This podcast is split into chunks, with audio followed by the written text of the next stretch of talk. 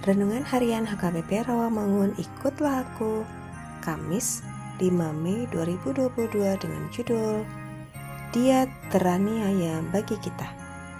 Bacaan kita pagi ini tertulis dalam kisah para rasul 16 ayat 25 sampai 34 dan bacaan kita malam ini tertulis dalam Ayub 39 ayat 16 sampai 30 dan kebenaran firman yang menjadi ayat renungan kita hari ini ialah Yesaya 53 ayat 3 yang berbunyi Ia dihina dan dihindari orang seorang yang penuh kesengsaraan dan yang biasa menderita kesakitan.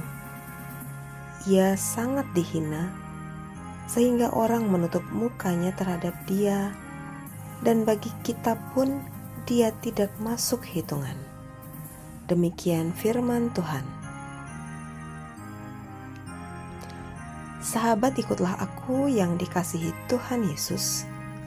Pada zaman lagu anak Medan begitu populer bagi banyak orang, digambarkan bagaimana hidup perantau yang harus bertahan meski sulit bahkan rela mati demi kawan. Sungguhkah Siapakah yang memberi taruhan nyawa untuk melindungi orang lain? Mungkin saja ada di antara kita, namun masih sangat dicari karena akan sangat jarang. Tapi kita tahu sebagai orang beriman bahwa ada pribadi yang rela melakukan hal itu demi keselamatan kita yakni Yesus Kristus. Dia adalah sahabat sejati yang rela memberikan nyawanya bagi sahabat-sahabatnya, yakni kita manusia berdosa. Yesus yang dipuji dan dicela, Kristus yang dikagumi dan dicerca. Dia yang dihormati sekaligus diludahi, rela menyebut kita sahabatnya meski kita meninggalkannya dalam jalan sengsara.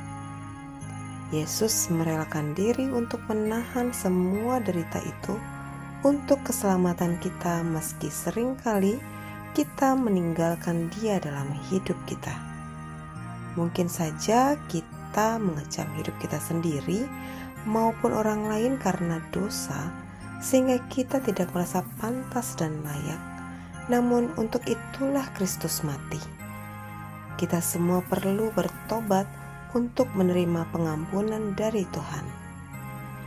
Dengan jalan dan penderitaan yang dilalui oleh Kristus, Dia menjadi korban pendamaian kita dengan Allah, sehingga kita beroleh anugerah kehidupan dan damai sejahtera. Biarlah kita menghayati keselamatan itu dalam pertobatan kita. Amin. Mari kita berdoa.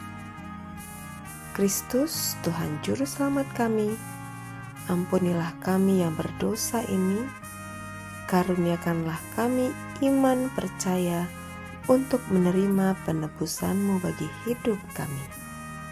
Amin.